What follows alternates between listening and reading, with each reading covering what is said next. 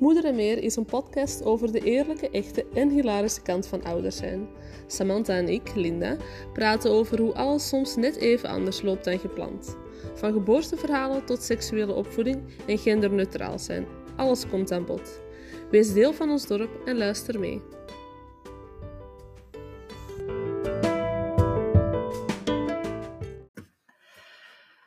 Welkom op Moeder en Meer. En in onze vierde aflevering spreken wij over jezelf terugvinden na een kind. Ja, Hoe dat doe je een dat? groot ding, hè? ja. Hoe doe je dat?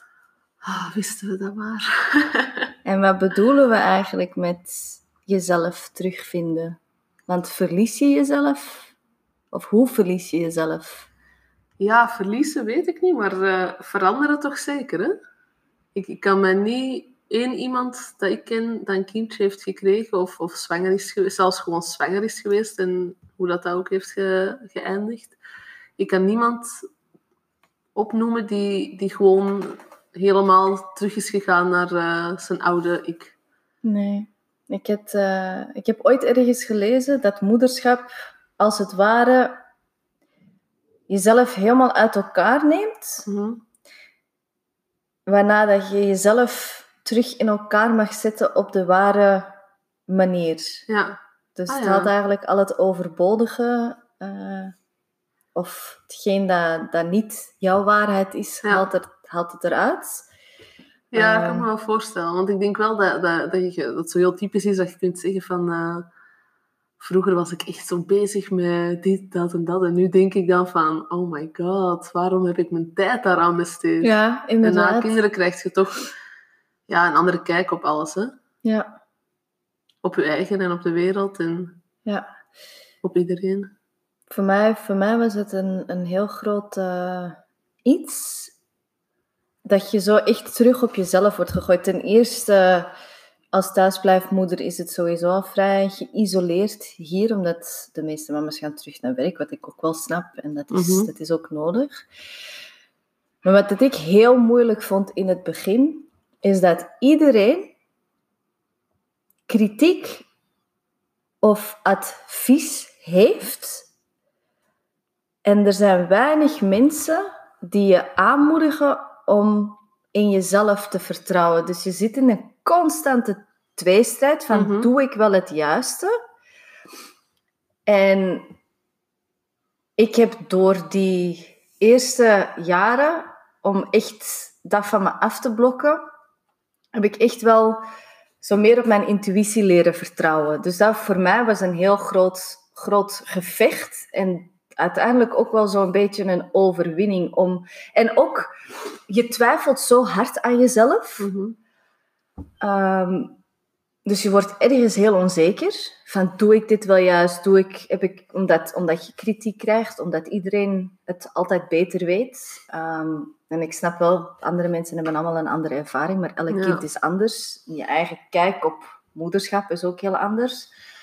Ehm, dat heeft wel geforceerd dat ik een stukje van mijn zekerheid, of dat ik leerde dat ik die zekerheid binnen mezelf moest vinden. Ja.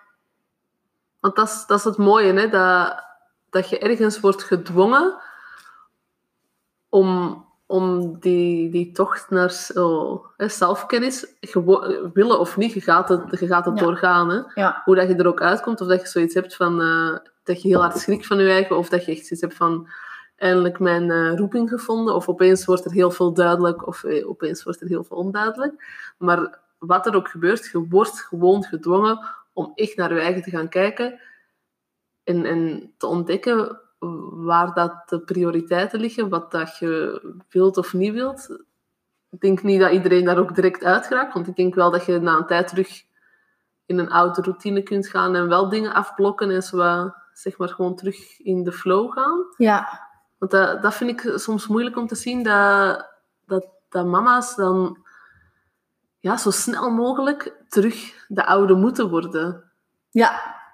En waarom? ik moet waarom, hè? terug dit, ik moet terug dat. Maar Ook dat- gewoon omdat je na drie maanden terug moet gaan werken. Ja. Als, als ik bij mijn drie kinderen, ik heb drie heel verschillende terugreizen gehad. Hè, dus drie keer heel anders mij gevoeld na elk kindje. Maar elke keer kon ik echt na drie maanden zeggen, als ik nu moest gaan werken, ja, dan zou ik gewoon helemaal fysiek instorten en mentaal kapot zijn. Ja, en ik denk voor de mama's die dan effectief geen andere keus hebben eigenlijk Ja, om te gaan werken voor financiële reden of misschien ook omdat ze heel hard gewerkt hebben om tot dat punt te komen Ja. in de carrière. En de bedrijven zijn ook niet altijd ondersteunend Nee, van nieuwe mama's, niet, dus je moet niet. competitief blijven. Mhm. Ik denk dat je daar ergens wel inderdaad dat schuldgevoel en dat verdriet moet afblokken. Ja. Maar dat moet gevolgen hebben, hè. Dat, ik, ik, Ja, je blijft Zelfs- meenemen. Hè? ja, Ik- zelfs als je, ergens- wilt gaan werken, het, het kan gewoon niet dat je, dat je en die mama's zijn en die werkers zijn, dat je, dat je dan na drie maanden al zo hard in harmonie hebt, dat, dat je daar geen grote of kleine issues van overhoudt. Dat kan ik niet geloven, dat, dat, dat, dat er iemand is dat na drie maanden dat al in balans kan doen.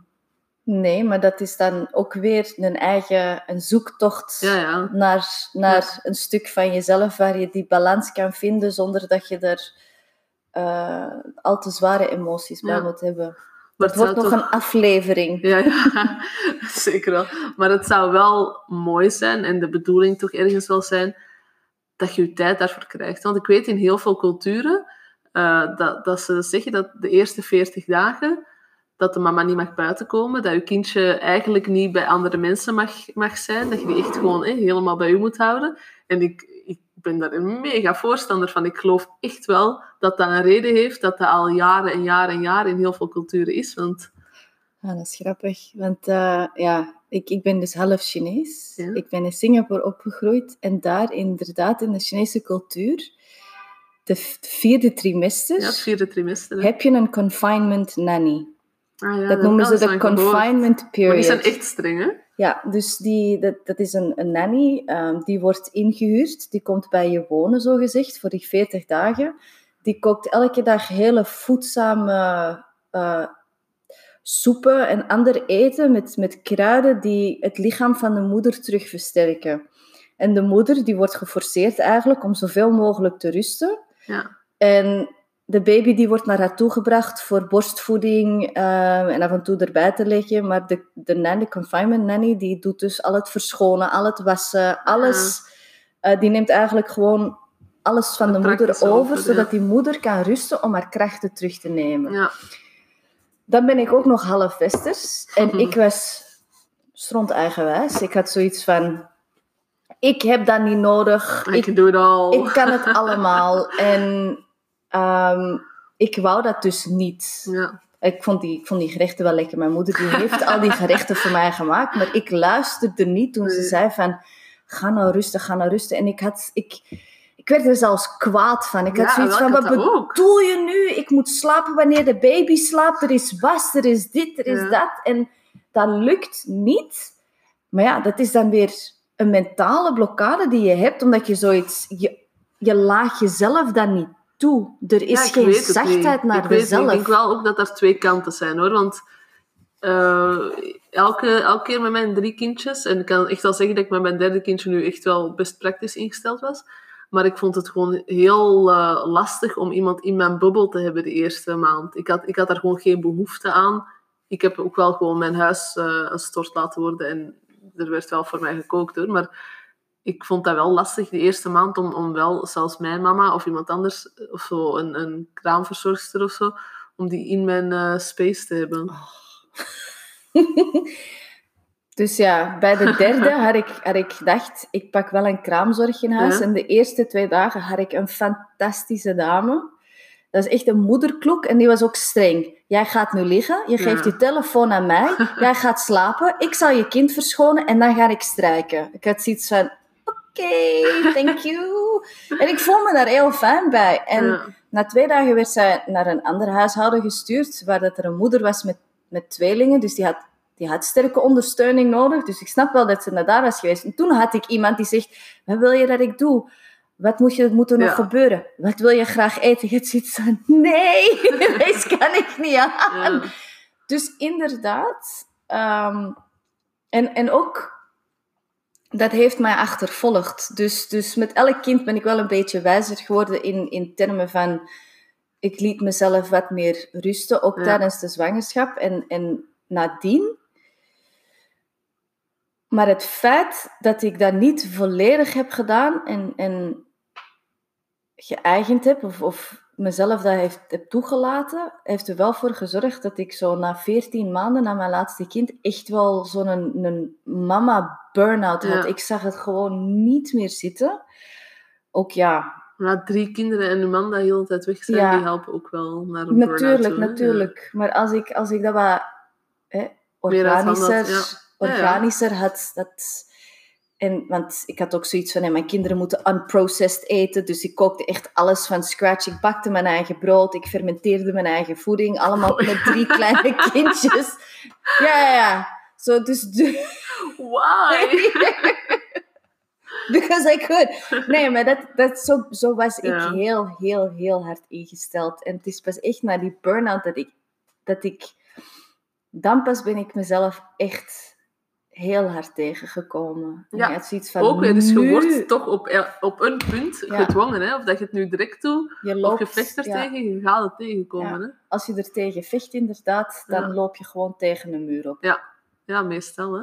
Wat ik nu ook wel heel hard merk, is eh, in het begin ben ik dan zo hard bezig geweest met fysiek gewoon genezen. Hè. Bij, bij mijn zoontje was dat een, horrorbevalling en heeft dat echt heel lang geduurd om, om gewoon fysiek zo, zelfs gewoon recht te staan en, en de straat door te wandelen. En dan heb ik mij daar zo hard op gefocust dat ik opeens na een jaar Hè, dan, dan was ik zo weer een, een beetje een normaal mens. En dat ik dan opeens wel heel hard had van, ah ja, ah ja ik, ben, ik ben ook nog een mens. Hè, dat je dan opeens zo'n beetje schrok. Ik heb eigenlijk nu ook wel, en nu is mijn dochter ook bijna hè, dat je opeens weer denkt van, maar wie ben ik? Zelfs nu de derde keer. Omdat je, ja, je, zo hard bezig met overleven een beetje en, en erdoor komen en ja, fysiek weer in, in orde zijn en, en een routine vinden. En nu voel ik weer dat ik op zo'n punt ben van... Hè, het begint zo wat te lopen en ze slapen soms. Niet zo vaak, maar soms. en ja, dan, dan opeens begint je weer na te denken van... "Ah, Wat ga ik nu doen? dus die onrust die begint wel weer zo terug. Van, dat ik moet nadenken over eh, wat ik wil doen en dat ik tijd wil voor mijn eigen en zo. Ja. Maar ja, jij zei al een hele fase verder, hè? Ja, mijn kinderen die zijn al... Ja, mijn jongste is zes. Ja, maar dat zorgt er ook weer voor dat je toch weer een stap naar vrijheid hebt en weer iets meer kunt kijken van Ja, ja, ja, absoluut. wie ben ik nu, hè? Ja, en in dat geval vind ik dat je als, als stay-at-home mom wel in een moment van luxe komt. Het is niet aan Ja. iedereen toegeëigend dat je ineens echt wel die tijd en die ruimte hebt om voor jezelf te denken. Ja, Ehm, ja dat is wel zo. Want als je we- moet blijven werken, dan, dan, dan komt dat moment van rust eigenlijk niet. Je, je gaat ja, eigenlijk... of toch veel later. ja, of, of Je blijft in, in, in een molen zitten en je blijft werken hè? en je blijft ja, Ja. doorgaan. En toch hoor je ook heel vaak hè, ouders die ook zeggen van, goh, ik ben blij dat ik naar werk kan gaan, wat ik ook ergens wel snap, want je kan alleen naar de toilet, je kan ik ben al wel echt heel vaak jaloers geweest dat mijn man gaat werken. Hè? Nu zeker. echt wel. En toch, en toch is dat ook niet te onderschatten.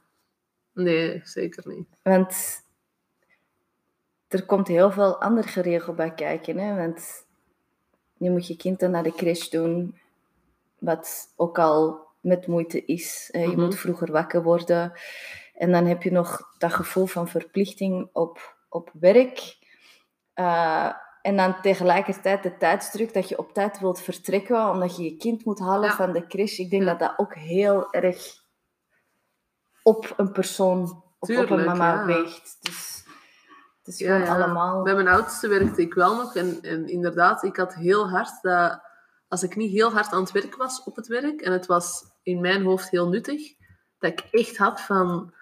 Oh nee, ik ben hier zo kei dom werk aan het doen en, en ondertussen zit mijn kind bij iemand anders. Waar, waarom ben ik hier terwijl dat mijn kind daar zit? Dus Mm. ja, je, je bent nooit... Allee, ik had toch totaal geen harmonie. Ik kon dat echt niet plaatsen. Ik denk nu wel, als, als je dan op een punt raakt dat je, dat je je werk echt heel graag hebt en dat je je nuttig voelt in je werk, dat dat wel anders is. Ik, Ja. ik denk wel dat als, als je je daar echt in kunt geven en je voelt daar een passie voor... Ik had altijd wel werk waar ik... eh, Wat dat je? Oh, sorry. Waar dat ik eh, mij niet helemaal in kon vinden. En dan is het wel anders. Hè. Ik denk dat dat dan nog moeilijker maakt.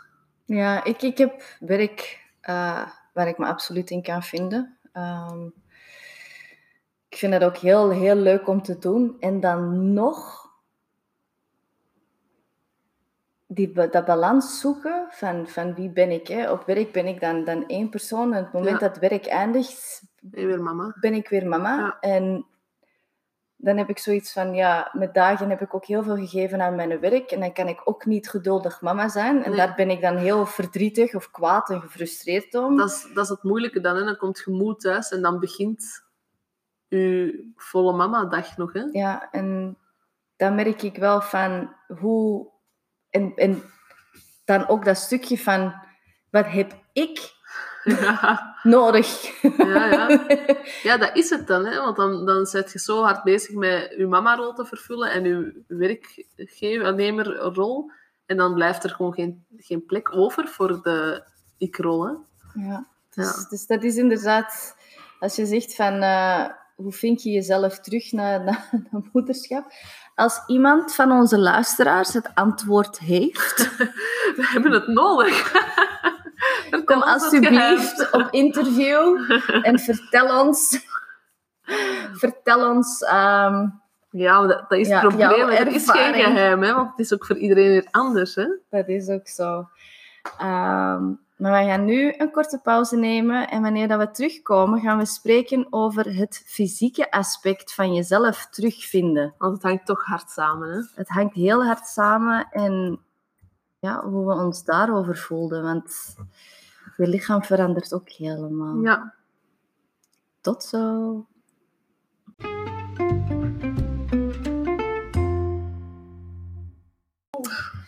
En we zijn terug voor het tweede deel, waar we gaan spreken over het fysieke aspect. Ja. Eh, je, jezelf, je lichaam terugvinden. Ja. Ehm, Want we zijn wel heel vaak zo bezig over eh, heel emotionele, diepe dingen. Maar ik wil ook gewoon terug doen en strak zijn.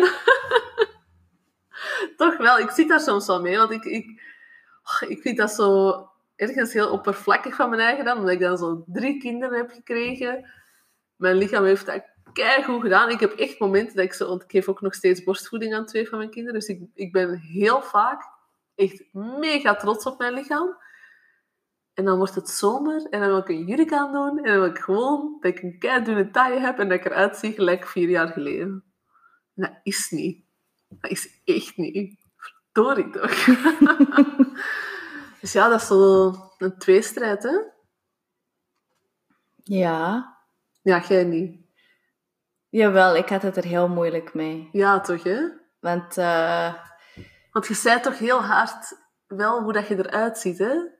Alleen bij mij is dat wel. Ik, ik, ik ben, hoe- ik ben in mijn hoofd gewoon nog steeds wie dat ik vroeger was. En nu ben ik dat niet. ja, ik heb al wel wat meer tijd erover gehad om dat allemaal terug een plaats te geven. Mijn jongste is zes. Ja. Ehm, maar ik was heel dun. Eh, heel dun. Ik was heel fit toen ik ehm, zwanger werd. Ik sportte, ik ging drie keer in de week 9 à 10 kilometer lopen. Ik deed vier keer per week yoga. Ik voelde mij ook heel fit. Ik voelde mij heel fit en sterk. Ja. En toen werd ik zwanger en vanaf, vanaf de, de tweede maand had ik echt het gevoel alsof ik lood had in mijn benen. Ja. Daarbovenop had ik geen morning sickness. Ik was gewoon precies heel de dag hangover. Dus hoe vettiger het eten, en zolang dat ik aan het eten was, ging het goed. Dus na de eerste trimester was ik al 10 kilo Ja, je bijgekomen bent veel bijgekomen, hè? op 16 op 16 weken, nee, wat is dat? Op zes maand zat ik al aan 18 kilo Oh, erbij. Ja, en nu moet je maar eens gaan kijken op onze Instagram. Samantha is echt een, eh, een klein fijn dingetje. Dus 20 kilo is voor haar wel eh, aardig wat. En, en tegen, tegen dat ik moest bevallen, ja, ik droeg maat 44, 42 of 44 H&M mama. Dus dat is echt wel... Voor u is dat wel waar. hè? Ik draag dat gewoon. Hè? Dus Dat is niet waar. Dat is niet waar.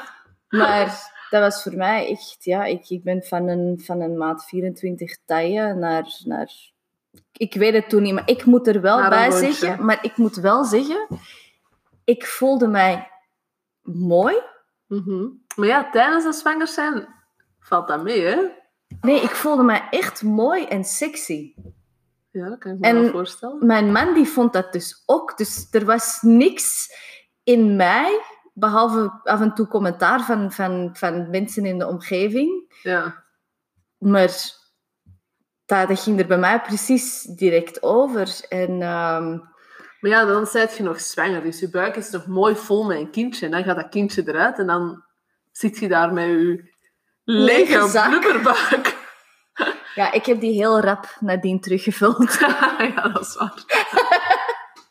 Op zes maanden was ik, alleen na zes maanden was ik terug zwanger. Dus ik had zoiets van, ja, ik moet dat tijd geven om mijn lichaam te laten ontzwangeren. En ik had daar absoluut geen haast in. Ik voelde mij niet ehm, onaantrekkelijk. En ik was, ik was bezig met, met borstvoeding. En, Ja. en, hè, Ja, dat dus is het. ik- hè. Je bent dan op dat moment zo hard in je leven bezig Ja. dat, dat, dat je er misschien niet echt heel hard iets van aantrekt. Maar ik vind, allee, bij mij, bij de drie kindjes, is het elke keer zo na een jaar ongeveer, Ja. dat je dan zoiets hebt van, ja, nu mag het wel gaan gebeuren. Ik wil gewoon mijn, eh, mijn strakke jeans weer aankunnen en ik wil graag eh, in de zomer een leuk kleedje aan. En ja, ik mis mijn taille gewoon. Ja. En ik weet het, hè, ik, kan, eh, ik kan gezonder gaan eten en ik kan oefeningen doen en weet ik wel, maar ja, daar heb ik geen zin in. geen zin, geen tijd, ik ben moe. Iedereen zit opgesloten in een huis. Ik heb suiker nodig om mij door de dag te halen. Misschien volgend jaar. Misschien volgend jaar. Nee, nee, bij mij was dat echt, ja, omdat ik... Ja, bij Timo was ik na... Hoe oud was die toen? Dat ik terug zwanger werd. Ja, best snel, hè? Ik denk dat hij net, net een jaar was geworden. Mhm, Ja. Ehm, maar ik was met, met Eva was ik wel zo ziek dat ik de eerste maanden eigenlijk afviel. Afviel, ja. Ja.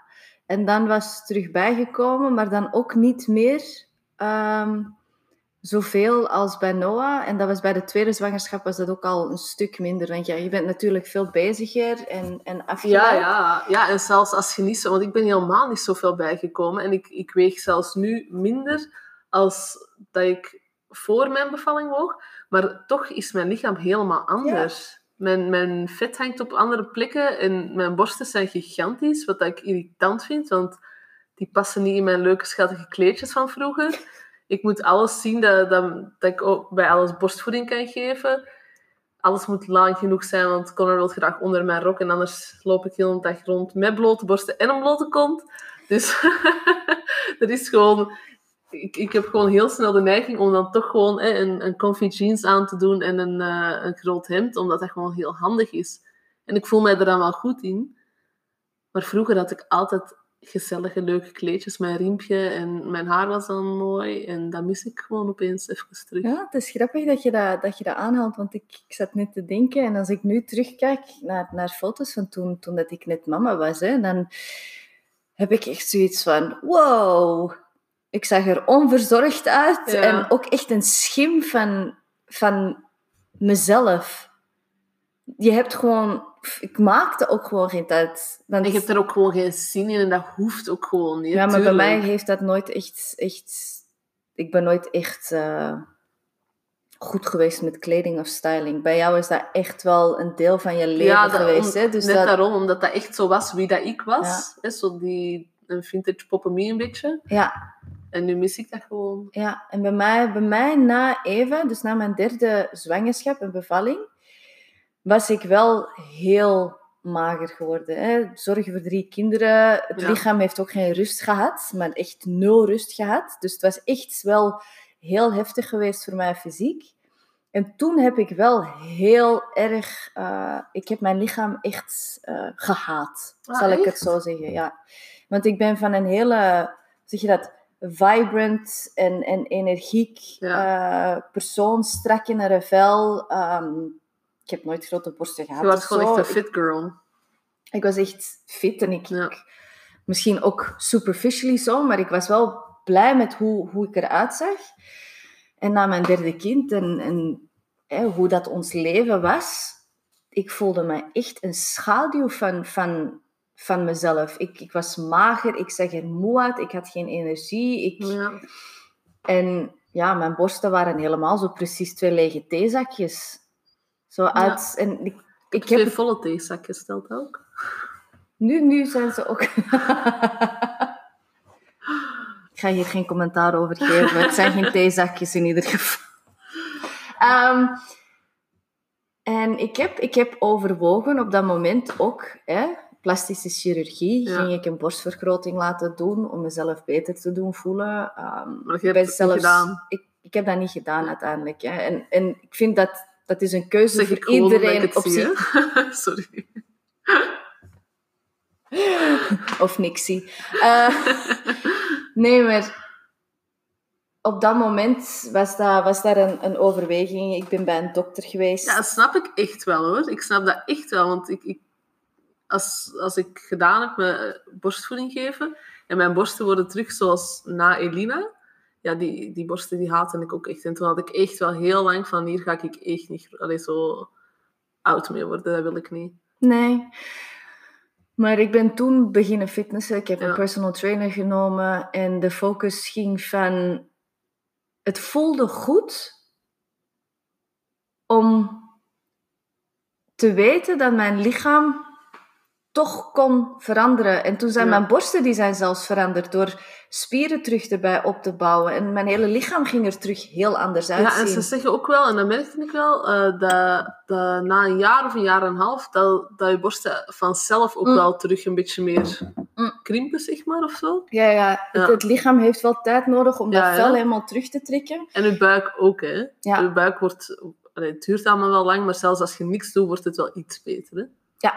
Dat is ook zo. Maar, en daarbij, ik, eh, ik heb toen een teacher training gedaan van Living Pilates, een combinatie van dans, yoga en Pilates. Mhm. En dat is iets dat ik met mijn gewichttraining niet heb kunnen doen. En dat is aan de diepste buikspieren werken. Want Ja. je merkt wel inderdaad, zoals je zegt, na, na een zwangerschap, de ribben die staan een beetje uit elkaar. Ja. Je heupbotten gaan eigenlijk ook een beetje uit elkaar staan. Waardoor je inderdaad je taille verliest. Ja.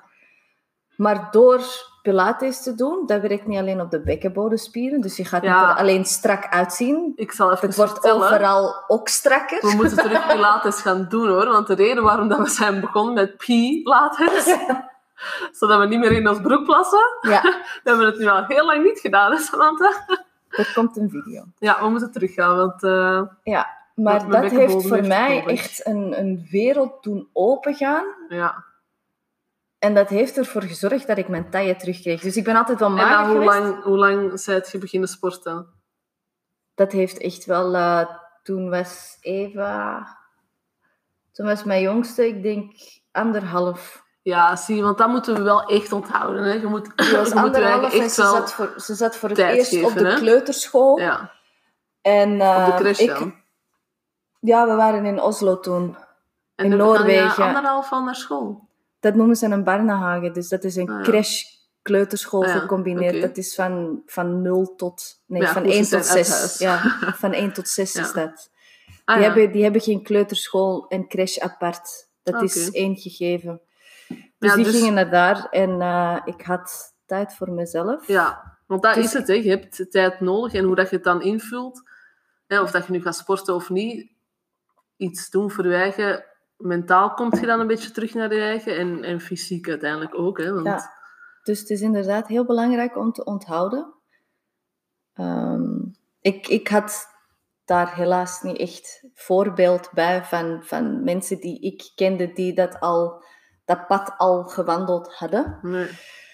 Maar wel zo, nu terugkijkend is dat wel zo van, hè, de er is een acceptatie in, in... Het kan nu misschien nog niet, maar binnenkort gaat dat wel komen. Ja, maar we moeten ook wel eerlijk zijn. Je kunt nu sporten en, en eh, eten letten en weet ik veel wat. Je lichaam gaat gewoon altijd wel anders zijn. Hè? Ja, dat is ook zo. En, En dat is wel het deel waar ik het dan heb. Ik, ik vind van mijn eigen dat ik mijn lichaam verschuldigd ben om dat te accepteren. Want ik vind het zo drie keer bevallen. Ik vind dat kei knap dat ik dat heb gedaan en dat ik, dat ik hier wel gelijk gewoon fysiek gezond terug sta. Dat ik zo lang al borstvoeding kan geven, dat mijn lichaam dat ook blijft doen, Mhm. zonder dat ik daar helemaal... eh, eigenlijk merk ik daar helemaal niks van. Dus ik vind dat, gewoon, dat vind ik zo knap van mijn eigen ja, dat ik ook wel vind dat, dat ik, ja, dat ik mijn lijf die rust en liefde en, en zachtheid moet gunnen of zo. Maar ja, dat is dus een beetje een eh tweestrijd, want ondertussen trek ik mijn eh riem kei strak, zodat ik een alsof tire heb.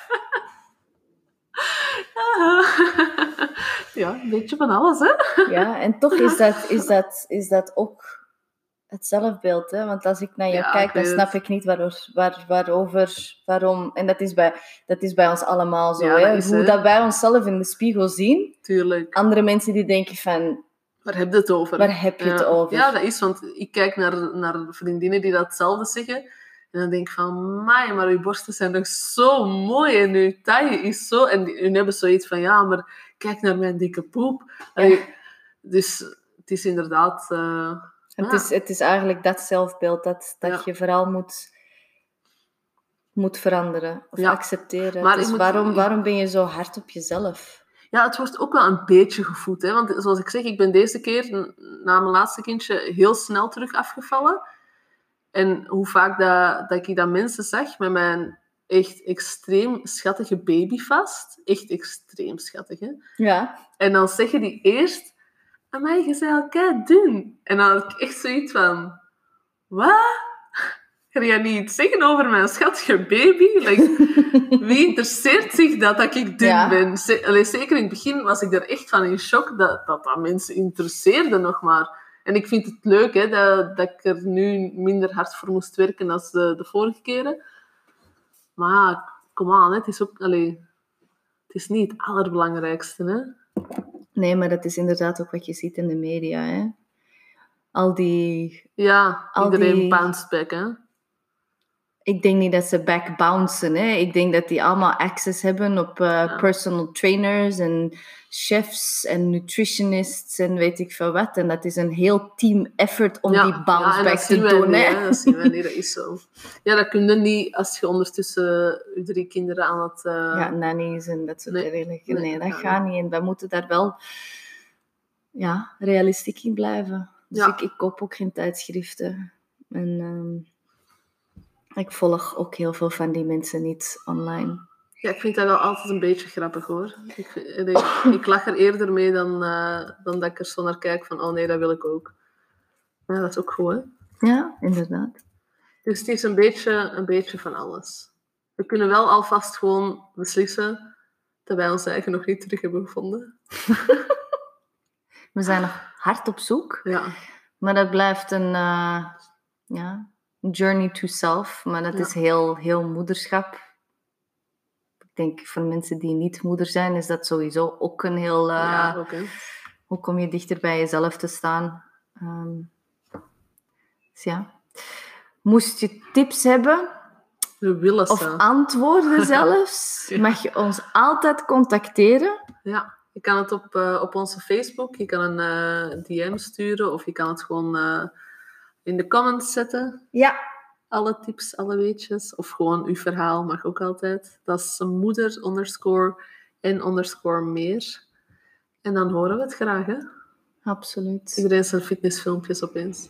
Ja, in plaats van fitnessfilmpjes. Ja, daar is nog meer druk tijdens de COVID. Ja.